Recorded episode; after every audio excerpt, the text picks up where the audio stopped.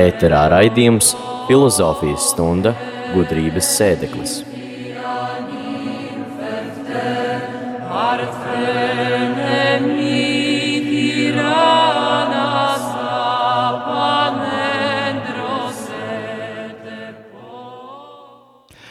Slava, jā, slavēts, lai top slavēts Jēzus, Jēzus Kristus, mūžīgi mūžam slavēts. Studijā esam mēs, Aija Avotiņa, mūsu institūta maģistra programmas beidzēji, un, un es... es rādzīju profesore, filozofijas doktora Mārkijopi. Jā, Priecājos tevi redzēt šeit, mūsu studijā, pēcpusdienā. Paldies, ka tu varēji atrast laiku un būt kopā ar mums un būt kopā ar mūsu radio klausītāju, lai izglītotu filozofijā. Nu, kā nu mums ies, to redzēsim. jā, protams. Sākumā es gribēju pateikt, ka šis ir jauks sākums nedēļai, kurā ir eh, svēto erceņģeļu diena un arī mazās terēs no Lizjē svētki, 1. oktobris sāksies rožu kroņu mēnesis un joprojām aicina, kā latviski varētu lasīt mūsu institūta profesors Baibas Brūders tulkoto un ar zinātnisko redakciju apgādāto Terēzītas dienas grāmatu, kā arī viņas vēstules. Es pieņemu, ka profesora Brūdēra gribēja, lai tās grāmatas lasa, vai ne? Jā, es centos. es centos, bet tā nav, tas nav gluži romāns. Jā. Kuru paņemsi rokā un ar, uh, nē, kafijas vai tējas krūzi noteikti var ņemt rokā un lasīt, bet, nu, tur, tā, tur ir nepieciešams iedziļināties. Jā, bet uh, kopumā, kā jau mēs minējām, pieteikumā atsauce gudrības sēdeklis, mēs zinām, ka La Lauritāns Litānijā uz visvētāko jauno Mariju ir šāds tituls gudrības sēdeklis, kā mēs uzrunājam diamātu, un kā arī senatnē mūki aicināja filozofēt kopā ar Mariju. Jā, un šī raidījuma nosaukums ir filozofijas stunda, gudrības sēdeklis. Māra, par ko tad būs šie raidījumi? Nu, apmēram ieskicējam. Es domāju, ka... Iedodam, iemetam āķu lūpā klausītājiem. Oi, man nav nekāds āķis līdz, tu neteici, ka jāņem. Labi. Tad, uh, var sakot, uh, pirmais, ko mēs sāksim, tad ir ticības un prāta attiecība problēma tiešām ir svarīga un mūsu ļaudīm svarīgi to saprast un zināt. Mums jāsaprot, ka 50 gadus nebija nekāda iespēja studēt teoloģiju, kristīgo filozofiju, un cilvēki ir atradinājušies no tā, ka ticībai ir arī racionalitāte. Tur ir vajadzīgs prāts. Un tad mēs varam runāt arī par mūsu izcilo latviešu, brazīliešu filozofu Staņislavu Ladusānu, kas ir pasaules slavens, nu, izņemot Latvijā.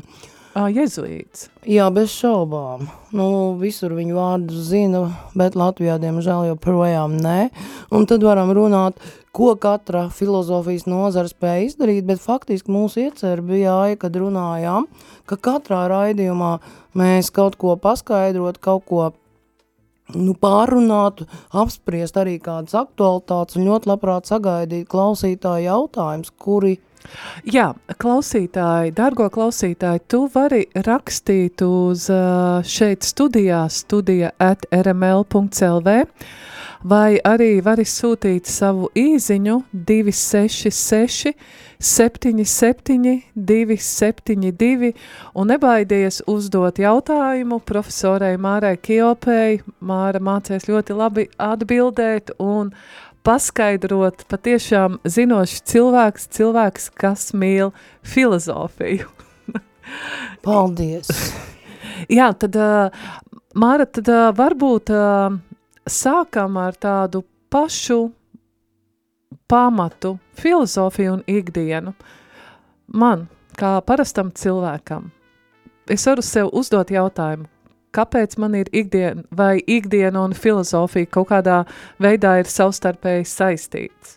Jā, mēs ikdienā esam pieraduši bezatbildīgi lietot to vārdu savienojumu, izbeidz filozofēt. Nu, tur faktiski situācija tāda, ka neviens vēl nav sācis filozofēt, ja? bet tiek teicis izbeidz filozofēt. Ja?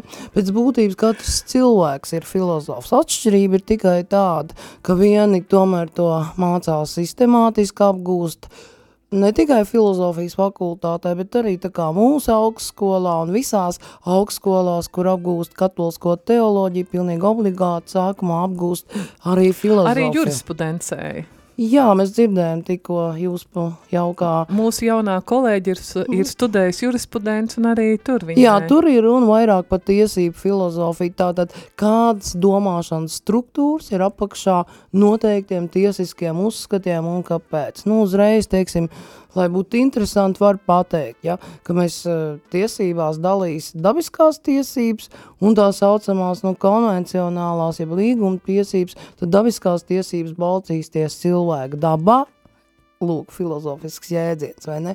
Jau uzreiz par cilvēku dābu, cilvēku esamību, un tās konvencionālās, jeb līguma tiesības balstīsies, nu, ka mēs slēdzam, vienojamies par kaut kādu priekšmetu, tas ir sevišķi nācis 17. 18. gadsimtā no angļu filozofa Thomas Hobbesa ļoti izplatīts anglo-amerikāņu vidē, un tagad arī mūsējā, bet nu, tas bija tāds piemērs, ja, ka mēs kaut, tikko kaut kur pieskaramies kaut kam, Uzreiz apakšā, kad mēs rokamies, mēs meklējam tās saknes, tur vienmēr ir fi sākumā filozofiskas idejas. Un eh, ļoti daudz, kur ikdienā eh, nu, daudz, kas tiek teikts, tam apakšā ir noteikts filozofiskās idejas, taču, ja tās nezinām, mēs tās nevienmēr atpazīstam, un mums liekas, ka filozofija ir kaut kas tāds ļoti abstrakts, kaut kur ļoti atrauc no ikdienas, bet faktiski mēs ikdienā, nu, tā kā, uh, atkārtojam ja, dažādas filozofiskās idejas, un tikai varbūt tādā vienkārši... Piemēr, pie, jā, piemēr, piemēr, nu kā, viens tāds, nu, ļoti, nu, piemēram, teiks tā, un bieži vien jūs lasīsiet, vai žurnālisti teiks, vai pat televizijā politiķi apgalvos, nu, ka cilvēks ir, nu, tāds dzīvnieks vien ir. Jā. Nu, tā nav taisnība. Cilvēks ir dvēseles un miesas vienība. Dvēseli garīga substance. Dvēseli ir augstāk nekā miesa. Tātad, ja nosaucam, kā Akvīns Toms saka, cilvēku, jeb kādu lietu ar cilvēku, pēc tā, kas tajā ir augstākais, tātad dvēseli, garīgi, tad mēs varētu teikt, cilvēks ir garīga būtne. Viņš ir aicināts uz garīgām vērtībām. Un ja viņš tās nekop, tad viņš degradējas. Degradējas tautas, degradējas sabiedrības. Ja? Tātad tā ir filosofēma, nu, ir īpašs nosaukums tām idejām, kad viņas nu, tā kā sāk funkcionēt populārā līmenī, tad sauc viņas par filosofēmām. Tātad šis antropoloģiskais uzskats. Kas ja? ir antropoloģiskais Antropoloģija ir mācība par cilvēku. Ir filozofiskā, ir mm, tātad to arī mācījies teologālā antropoloģija, Mēs pazīstam medicīnisko antropoloģiju, mēs pazīstam kultūras antropoloģiju, bet filozofiskā antropoloģija tādā runā par to, ko sauc kā cilvēku skat, kā cilvēka esamību visā kopveselumā. Cilvēks kā persona, eh, nu, nevis tādu viņa, ko dara vispār filozofija. Viņa neizvēlas kādu vienu tikai aspektu, bet viņa skata realitāti kā tādu, uz kādiem pamatiem balstās realitāte. Piemēram, matemātika aplūko skaitļu realitāti. E, nu, nu, ekonomika apskatās, teiksim, ekonomikas likums, fizika pētīja dabas likums, bet tās viss ir atsevišķs, atsevišķs, atsevišķs joms. Bet kā tad ir realitāte kopumā? Nu, uz to atbild filozofija un arī, ja ņemam klāt augstāko realitāti, arī teoloģija. Tieši to saka pāvests Jānis Pāvils II enciklikā Fides et Ratio.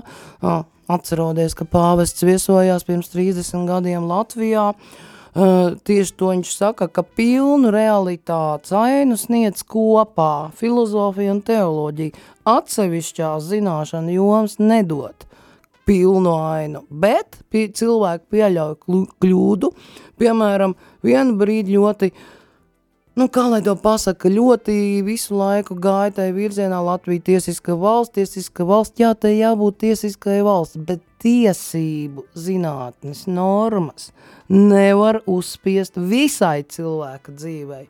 Mums jārūpēs par ekonomiku, par ekonomiku, jā, jārūpēs, bet ekonomikas likums nevar uzspiest visam cilvēkam, visai realitātei. Viņi sēdz tikai noteiktu daļu – bet ne visu realitāti kopumā. To... Ja mēs runājam par cilvēku, ja? jā, Tad uh, pakomentējot Jānu Pāvilu otro ticību un prātu, Jā. šo viņa darbu, kas ir tās galvenās tēzes, kā viņš rad šīs kopsakarības un patiesībā šo mīja darbību? Jā, Tādā va, vienkāršā valodā. Va, jā, varbūt vispirms paziņosim ticīgai tautai, ka ir tāda enciklika, saucās Fides et ratio. Pāvests Jānis Pāvils II viņu izdeva, uh, publicēja 1998. gadā, krusta paaugstināšanas svētkos 14. septembrī, un enciklika saucās tātad latviskā tulkojumā par ticības un prāta attiecībām. Un tā ir otrā enciklika mm, baznīcas vēsturē, kas ir veltīta ticības un prāta un filozofijas un teoloģijas attiecībām. Pirmā bija 1879. gadā pāvest Leona 13. tātad Eterni Patris. Jo pāvests redzēja, ka katoļi ir pilnīgi, nu, atgājuši malā no filozofiskās domāšanas un pētniecības, jo tur valdīja sekulārisma gāras, filozofi neredzēja, ko darīt katoliskie šādā vidē. Un pateicoties pāvestam Leonam 13. atsākās nopietnas svētākvīns Toma filozofijas studijas, viņa avotu, tātad, nu, avotu tekstu studijas, un rezultātā 20. gadsimtā bija milzīgs uzplaukums, ko sauc par neotomismu, ja milzīgs, ka, nu, ar katolismu saistītās filozofijas uzplaukums. Un tagad, 1998. gadā, atkal, atkal jau eh, tātad gadsimta beigas, un pāvests Jānis Pāvils II uzskata par nepieciešamu nu, izdot šādu encikliku, kas risinās attiecības starp ticību un prātu. Jā, bet, bet nu, Nu. Tad uh, ejam muzikālā pauzē. Jā. Ejam muzikālā pauzē. Mārtajā uh, uh, muzikālās pauzes laikā padomās, kā vēl paskaidrot uh, uh, nu vairāk par šo ticības un Jā, prātā miedarbību. Bet, uh, lai skan vēseles dziesma, ko ir komponējis Ēriks Ešenvalds, vismaz lai ieskanās Māra, kādēļ šī dziesma? Nu, tāpēc, ka nodarbošanās ar filozofiju arī ir nodarbošanās cilvēka garīgajā sfērā. Un ļoti grūti iedomāties, ka cilvēks var tikt galā ar visiem kārdinājumiem, ar visiem pārbaudījumiem, kas nāk arī strādājot, mācoties filozofijas jomā. Jā, nav šīs garīgās dzīves, šīs dvēseles dzīves vienotībā ar Dievu. Dzied, mana dvēsele dzied, caur tūkstošu balsīm klusi. Dievs manā dvēselē dzied, kas zvaigznēm pieabirusi. Skumst manā dvēselē skumst, kā zvējas tīkli jūras krastā skumst, manā dvēselē skumst, tā skumst, kur zemē. Dzied manā dvēselē dzied, caur tūkstošu balsīm klusi. Dievs manā dvēselē dzied, kas zvaigznēm pieavirusi. Raud manā dvēselē raud par stāvu rāgam, ēmām sāpēm raud manā dvēselē raud.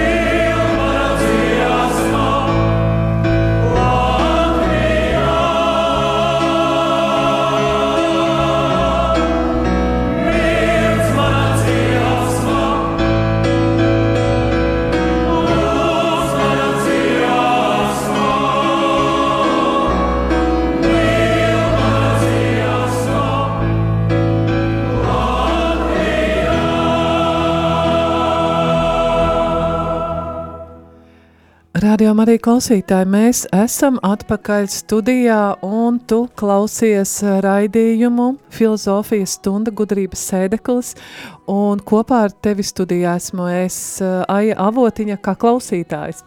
Bet raidījuma vadītāja ir profesora, filozofijas profesora Māra Kijope un blakus mums gan kā māceklis, man jāsaka, tepatās ir arī mūsu jaunais brīvprātīgais Agita, sveiciens arī tev.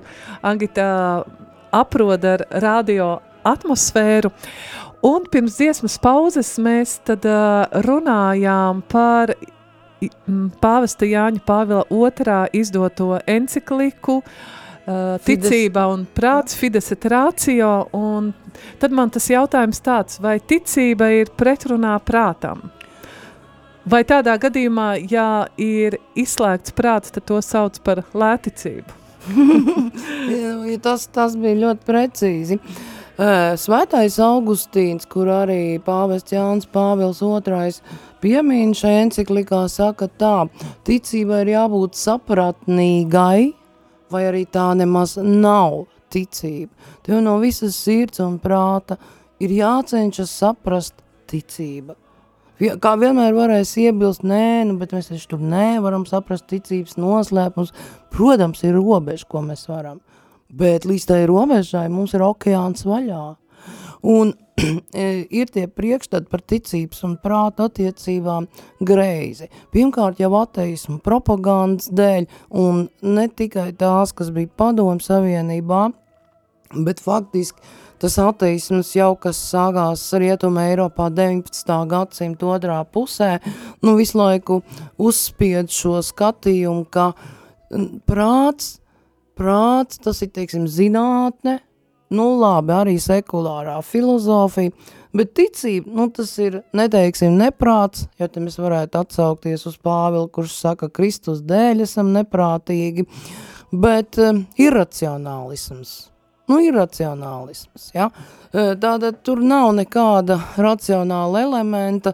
Faktiski tā cīņa jau sākās, kā norāda Jānis. Nu, ja? I, uh, racionāla elementa nozīmē nav nu, tāda saprātīga elementa. Jā, nav nu, saprātīga. Vienkārši kaut kas tiek stāstīts, cilvēki ļautiņi tumši, ja viņi to visu pieņem, tam visam tic. Un, uh, šī nu, tāda antikristīgā kampaņa, kā norāda Jānis Pāvils II grāmatā pārkāpjot cerības slieksni, kas arī latviski pieejama, atvainojas, e, viņš norāda, ka tas sākās apmēram 17. gadsimtā, kad tāda kultūras sekularizācija un pat antikristīgas tendences tajā.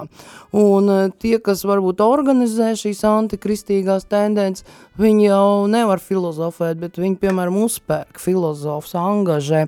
Tad filozofu sāka karot ar, ar scholastikas idejām, teiksim. Skolastika ir uh, tādā tā, kristīgā filozofija, bet tas ir tieši filozofija, kas bija no 10. līdz 13. gadsimtam.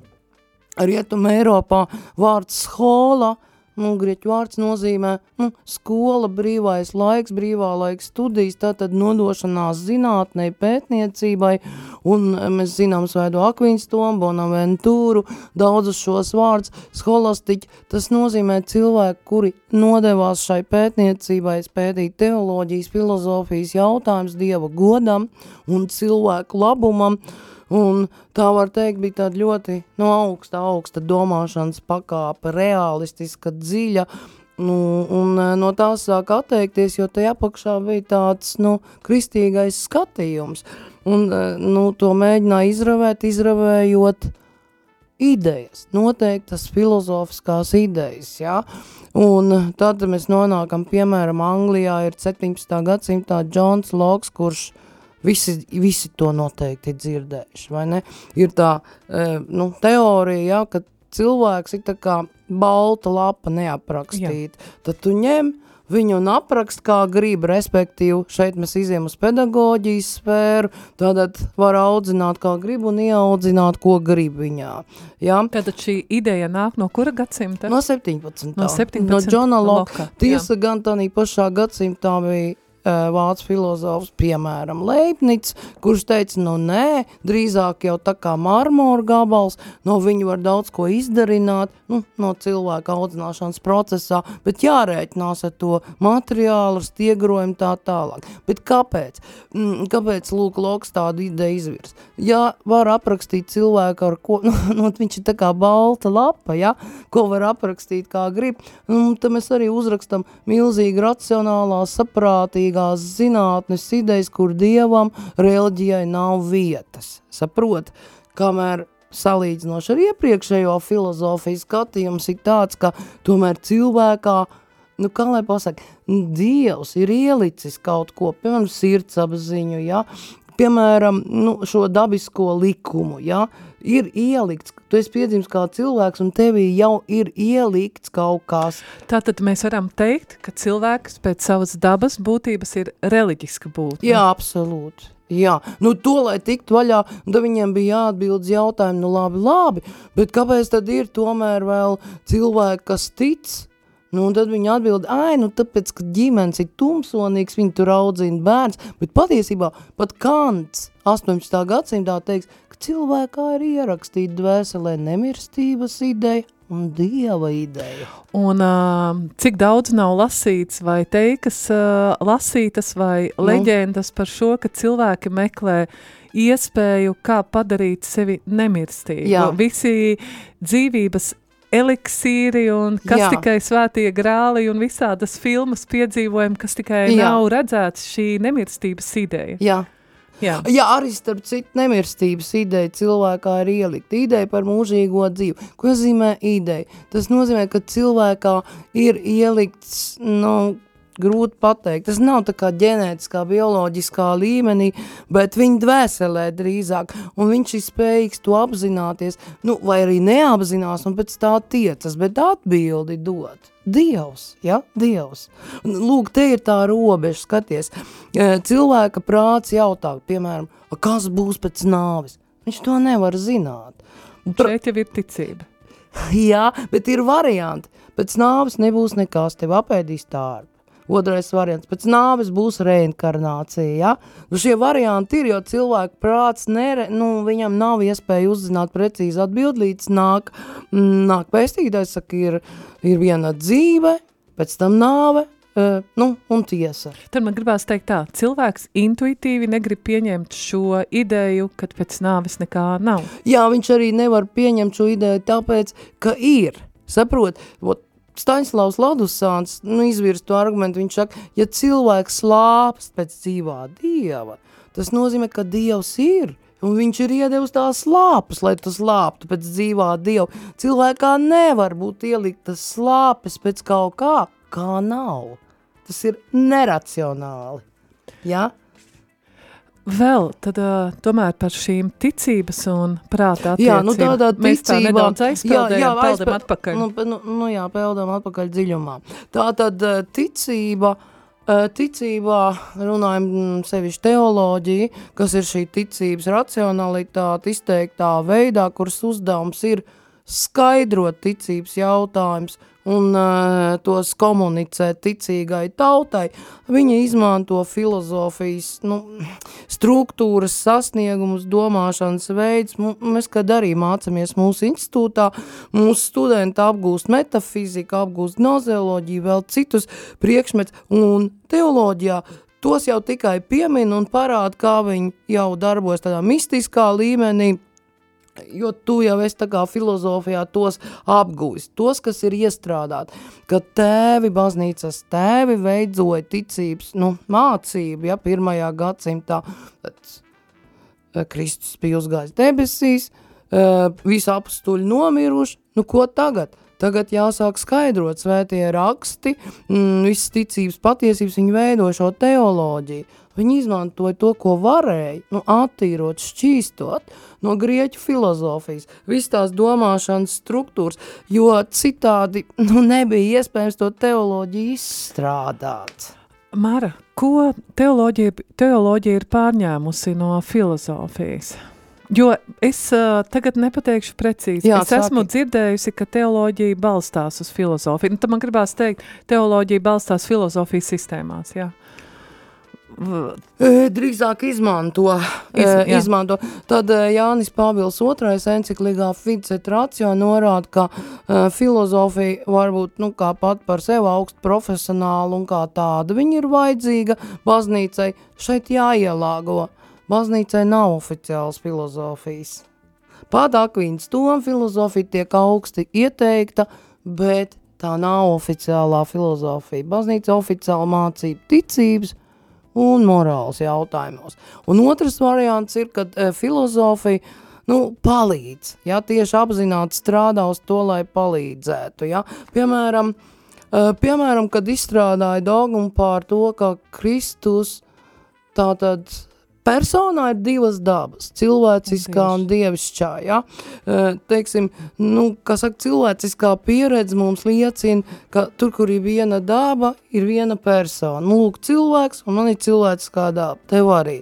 Bet šeit, un tad ilgi, nu, tur garš tas pierādījums, bet jēga tāda, ka pateicoties filozofijai, varēja, nu, parādīt, ka šeit ir darīšana ar citu realitāti, tāpēc mēs drīkstam domāt, pamatot drīkstam domāt, ka te ir izņēmums un citā veidā, proti, Kristus personā ir gan dievišķā, gan cilvēciskā daba. Jā, bet tam visam ir milzīgs filozofiskais pierādījums. Tas, kas ir vienā dogmā izteikts, tur droši vien tie pierādījumi te visu, visu stūru aizņemt, ja mums, eh, nu, un tādā veidā daudz, kas, piemēram, participācijas jēdziens, mēs atšķiram, Kas, ka- kas ir partic?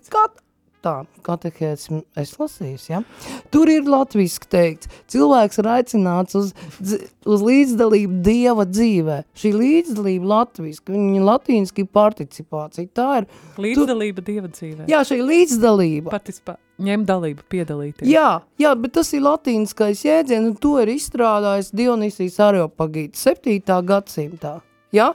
Un tā ir vesela sistēma, visa metafiziskā sistēma par debesu hierarhiju un kā tieši notiek šī participācija, ka Dievs ir tas iniciators un kā viņš iesaist visas nu, esamības pakāpes, ieskaidot cilvēku esamības pa, eh, pakāpu un tā tālāk. Ja to mācās filozofijas vēsturē, ja? bet eh, teologs vienkārši jums pieminēs participāciju un ies tālāk. Māra, tad uh, uh, prāts palīdz cilvēkam labāk saprast, Saprast ticību. saprast ticīgu, Jā. kam viņš tic, kāpēc, un caur to cilvēks tad arī Jā, nedrīkst- nostiprinās. Jā, nedrīkst skatīties tā, ka, teiksim, uh, nu, teiksim tā, tas prāts, tā būtu tai filozofijas sfērā, bet ticība teoloģijas. Pa tāda teoloģija aplūko tic, nu, pēdīt ticības jautājums, taču viņi to dara izmantojot prātu. Filozofija izmanto prātu, taču, uh, nu, arī tur ir, nu, kā lai pasaka, Nu, ticības, uzticēšanās jautājums. Jānis Pāvils II saka, vai tad mēs, kas skolā mācāmies, mēs varam vispār pārbaudīt? Nu, labi, mums mācīs geogrāfijā skolotājs teiks, Austrālijā dzīvo ķēnguru. Nu, uz Austrāliju mēs aizbrauksim. O, jā, tiešām ķēnguru dzīvo. Bet vēstures skolotājs teikt, 987. gadā notika tas un tas. Da, kurš to var redzēt? Kas notika 987. gadā? Saprot? Tāda mēs ticam. Kādi- Jā, jā, tā nav, protams, tāda ticība, kā nu, kristīgā ticība, bet tā tomēr ir šī nu, ikdienas līmeņa ticība. Un tāpēc tā nevar, eh, tas, nu, tas stereotips, kas bija nepareizi, greizi ieviests, nu, no tā ir jāatvadās, ir jāsaprot. Nu, pāvests Jānis Pāvils II saka tā, ja ir pārspīlējumi iet kādā vienā vai otrā virzienā, tad ir problēmas. Proti, ja būs cilvēki, kur pārmērīgi mēģinās skaidrot racionāli visu, nu, tas būs nevis racionalitāte, bet racionālisms. Tā kā visi ismi, nu, kā man piemēram stāstīja tāda pieredze, kad aizbrauc cilvēki nu, no Latvijas, kaut kur stu, Pabeidzam, studēt, ejam, jā. studēt ārzemēs, un tur, nu, tā kā katoliskā universitātē viņam sāk tur mēģināt izstāstīt ar bioloģijas, ķīmijas, un fizikas starpniecību, kā notiek euharisti. Viņi saka, gandrīz prātā sajūg, bet naktī redzēja sapnī vēc māmiņu, pie aglons dievmāts lūdzamies un vispār atjēdzos, ja? Un otrs galēji pabeigsim tūlīt, tas ir fideisms. Tas ir, mums nevajag nekādu prātu, mūsu ticībai jābūt aklai, tad ir jātic un viss, ja? Nav, tas ir fideisms, un tas, saka Jānis Pāvils II, vērt pie mājiņticības, ko mēs diemžēl šad un tad redzam, ka cilvēciņi iznāk no baznīcas, skatās pulksni, oj, oj, oj, man jāsteidzās pie zilnieces pēc svētās misas, un viņam nav problēmas. Un tā ir problēma, ka viņam nav problēmas, ja? Tāpēc, lūk, tas ir ļoti praktisks jautājums. Labi, tad uh, muzikālā pauzē, lai skan lūkšana par Ukrainu. Uh, jā, par Ukrainu. Nedaudz, jā. Tā ir, tomēr mēs nevaram aizmirst, ja, ka galvenais jautājums, galvenā aktualitāte ir karš Ukrainā, no kā ir atkarīgs arī mūsu liktenis, un mums jābūt garīgi vienotiem, un jāpalīdz arī, cik var. Tā ir garīgā himna, lūkšana par Ukrainu, kas jau bija sarakstīta 1885. gadā, un tagad, protams, iegūst īpašu aktualitāti, kur tiek lūgts, lai Dievs svētī Ukrainas tautu, lai sargā to un dod arī zinību, gaismu un mīlestību un laimi.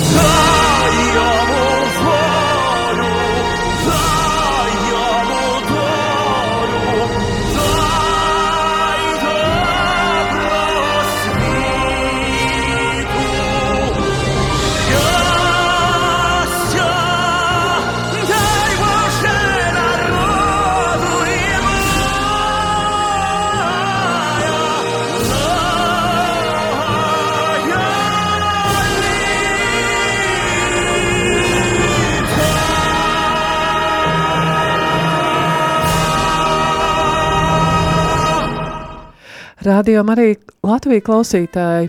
Mūsu raidījums lēnām gan uh, tuvojās izskaņai, nu vēl kādas uh, desmit minūtes palikuši līdz raidījuma beigām. Kopā ar tevi šeit uh, filozofijas stundā esmu Esaija Avotiņa. Arī tu esi aicināts, ja ne šoreiz, tad nākamreiz iesaisties ar saviem jautājumiem, ar, sūtot īziņas 266 77 272, un blakus manī ir profesora Māra Kijope, kuru specialitāte ir filozofija. Māra, vai tu mīli gudrību? Tas Jo gan mēs ir, nepaskaidrojām šo nu, tas gan jēdzienu. ir smalks jautājums. nu, redz, lieta tāda, kā jau mēs runājam, ka cilvēki vienmēr ir meklējuši Dievu, arī senie grieķi, kuri nebija nekādi senie ebreji, kam Dievs atklājās. Senā Grieķijā filozofija sākās 6. gadsimtā pirms Kristus piedzimšanas, un viņi runāja par to gudrību. Un līdz tam Grieķijā bija tā saucamie sofoji gudrie. Viņi zināja atbildes, pie viņiem nāca. Un te, nu, tā kā tagad, ja tur samaksājat 250 eiro, jums būs atbildes, kā iekārtot savu dzīvi, kā iekārtot savu stūrīt, lai būtu nauda un tā tālāk. Nu, negluži.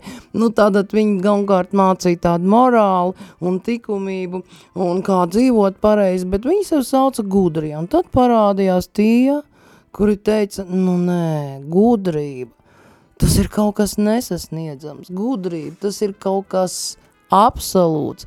Tas ir kaut kas, ko var mīlēt un kādēļ atstāt pilnīgi visu. Bet mēs nekad to nesasniegsim. Bet, lai būtu ceļā uz to, mums ir jāturas pie patiesības. Tad mums zināmais no ģeometrijas stundām Pītagors, kurš to teorēmu uzrakstīja, viņš bija faktiski filozofs un matemātika, viņam bija filozofijas izpausme, ja? Ka viņš meklēja skaitļu harmoniju kosmosā un kā skan kosmos. Tad uh, viņš teica, pirmais, kurš lietoja šo vārdu filiosofos, Jā, tātad tas, kurš mīl gudrību. Kaut gan pirms viņa jau bija nu, vairāk tāda, kas bija saprotams, ka viņi var tik definēt kā šie gudrības mīlētāji, un kuri nu, apzinās savu pieticību un šo nespēju sasniegt absolūto gudrību, un mēs saprotam, ka faktiski mēs varam interpretēt, ka tā jau ir nu, alkas pēc dzīvā dievu, ko viņi izpaud šādā veidā.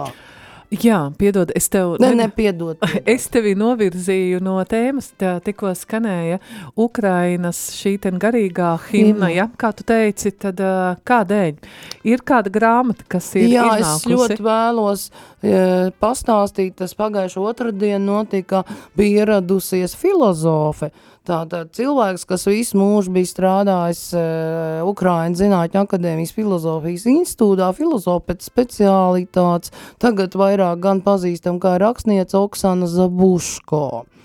Un, eh, kā zinām, viņa devās ceļā komandējumā uz Varšavu laikam, nu, burtiski dažas stundas pirms sākās iebrukums 22. gada 24. februārī, un tur viņa arī palika, un kā viņa teica, nu, ne tikai tur, visā Rietuma Eiropā viņa braukāja, un eh, nerimtīgi runāja par to, kas ir Ukraina, un stāstīja par to, un sniedz intervijas un rakstīja dažādus rakstus, un tā izskaidā viņa jau iepriekš bija izcēlusies ar tādu, nu, skaudru un patiesības pilnu skatījumu varbūt uz Ukraiņu identitāti, meklējis to Ivan Franko, Lesies Ukraīna, kas Taras Ševčenko darbos, viņa nopietna apcerējuma, vairāk tādā ideja vēsturē, filozofijas vēsturē, bet eh, tagad, protams, viņa, kā viņa saka, es jūtos iesaukt, un tas ir kā viņa karo.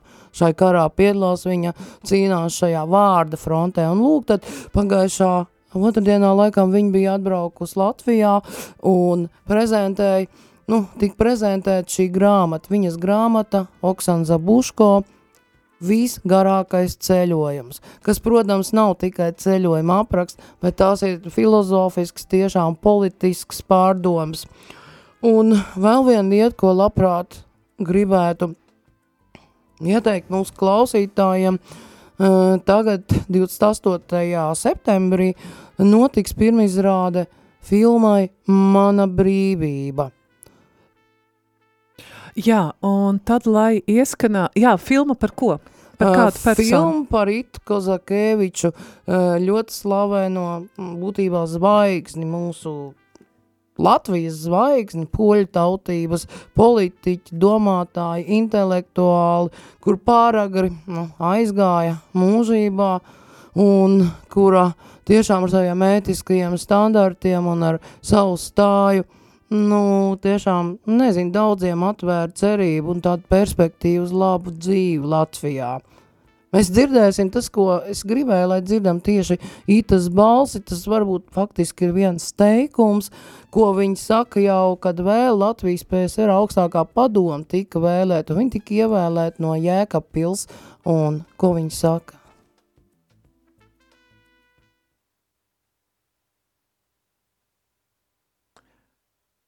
Par mani es uzdrošinos teikt, viņi nav balsojuši par Itu Kozakieviču. Viņi manā personā ir balsojuši par Latvijas neatkarības ideju. Jā, paldies! Visbeidzot, es gribētu Sapratīsim, ka tas tiek teikts 1989. gadā, jā. Eh, Vēlos visus aicināt nu, apmeklēt šo filmu, kas tiks rādīt Latvijā kinoteātros. Mana brīvība. Jā, tas ļoti, starp citu, filozofiski viss ir. Tā ir realitātes izziņa, realitātes izziņa. Ja? Filozofija gan, gan tas, realitāte. ko Oksana Zabuško raksta, gan tas, ko Ita ir darījusi, ja, ar mākslinieciskiem līdzekļiem, tā ir realitātes izziņa, jā. Tad, tad uh, filozofija ikdienā. Jā, Jā, Uh, jo man gribās teikt, ka mēs katrs dzīvojam kādā tādā ideju pasaulē. Jā, Jā. Nemitīgi, vai Jā. nu kāds cilvēks mums uh, vēlās kaut ko iestāstīt, nu, es, Jā. es šeit teikšu pārspīlējumu, iestāstīt, pārliecināt, jā, jā. un uh, uzspiest vai iedot, nodot savu ideju pasauli, jā. ja komunicēt, arī vienkārši padalīties, kā mēs sakām, jā. Protams, tātad mēs dzīvojam, un tā problēma nav, ka varbūt dažādas idejas. Problēma ir prast atsijāt, prast saprast, kuras varbūt ir iedvestas idejas, kuras ir tiešām, nu, sargeņģeļa, vai, kā saka, no, no Dieva pasaules nākušas un um, mū, vai svētā gara, nu, iemācīties tā garīgā izšķiršana, taču tā arī ir, nu, nu, filozofijas māka un savā ziņā arī filozofijā, kā es saku studentiem, nu, tur ir vajadzīga izšķiršanas spēja, nevar vienkārši, nu, ņemt pretīm visu. Filozofiju, o, cik interesanti, nu, tad es ņemu, nē, jājautā, kas tas ir, no kurienes tas nāk, ko tas sludina, par ko tas runā, kādās attiecībās tas ir ar atklāsmi, kādās attiecībās ar mūsu ticības patiesībām. Lūk, piemēram, ja, gendera ideoloģija, tagad mums ir tur būs 96 identitātes, ne, nevar būt. Ontoloģiski tas ir, esamībā ir vīrietis un sieviete, cilvēks ir vīrietis un sieviete. Viss, saruna izbeigta. Viss pārējais ir, nu, pupu mīzes atvainojiet. Mēs uh, domāju, ka līdz galam pat uh, neuzspē, nu, neuzspēsim noteikti Nē, pārunāt š- protams, jā, šo ticība un prāts Jāņa Pāvila otrā encikliku, ja pareizi, Jā, es jā, pateicu protams. encikliku. Māra, bet uh, trīs lietas, ar ko mūsu radio klausītājs, nu, kaut vai viena lieta, uh, ko viņš var paņemt līdzi un pārdomāt līdz nākamajam ne, raidījumam. nu, ar ko viņš varētu sākt. ar ko, ar- jā, ar, Ar jautājumu, par ko ļoti savulaik atvainojot apņīrdza Zatleru, kad viņš kļuva par prezidentu, bet tas būtu, kas ir sev jāuzdod, kas es esmu. sākt? Hmm. Kas es esmu Dieva acīs, kas es esmu attiecībās, kas es esmu savā būtībā, nevis savās funkcijās, nevis kas man pieder, bet kas es esmu. Meklēt savu identitāti. Jā, atrast jā, par to varēsim parunāt nākamos reizē. Jā. Ā, un tagad, nu jā, tā Nu. lūksimies ar, lai būtu tā izšķiršanas spēja svētu Erceģelu Miķeli. Jā, Paldies! Paldies, rādījumam, arī klausītāji. Tad kopā uh, ar tevi šeit studijā biju Esaija, bet raidījumu vadīja Māra Kiope. Tiekamies tad oktobra mēnesī, mēneša 4.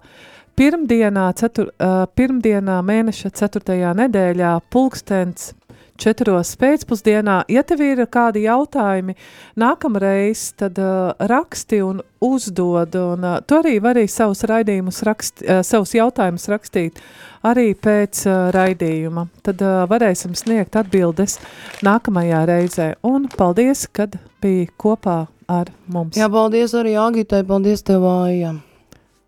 Sancte Michael, Arcangele,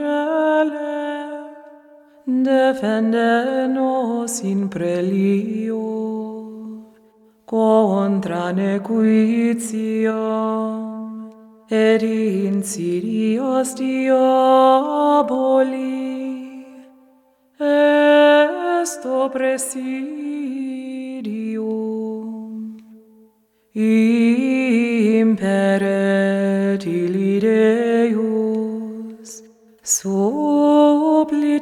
deprecamur, tuque princeps militiae celestis, satana maliosque spiritus malignos, qui ad perditionem animam per vagantur in mundo. divina virtute in infernum detrudet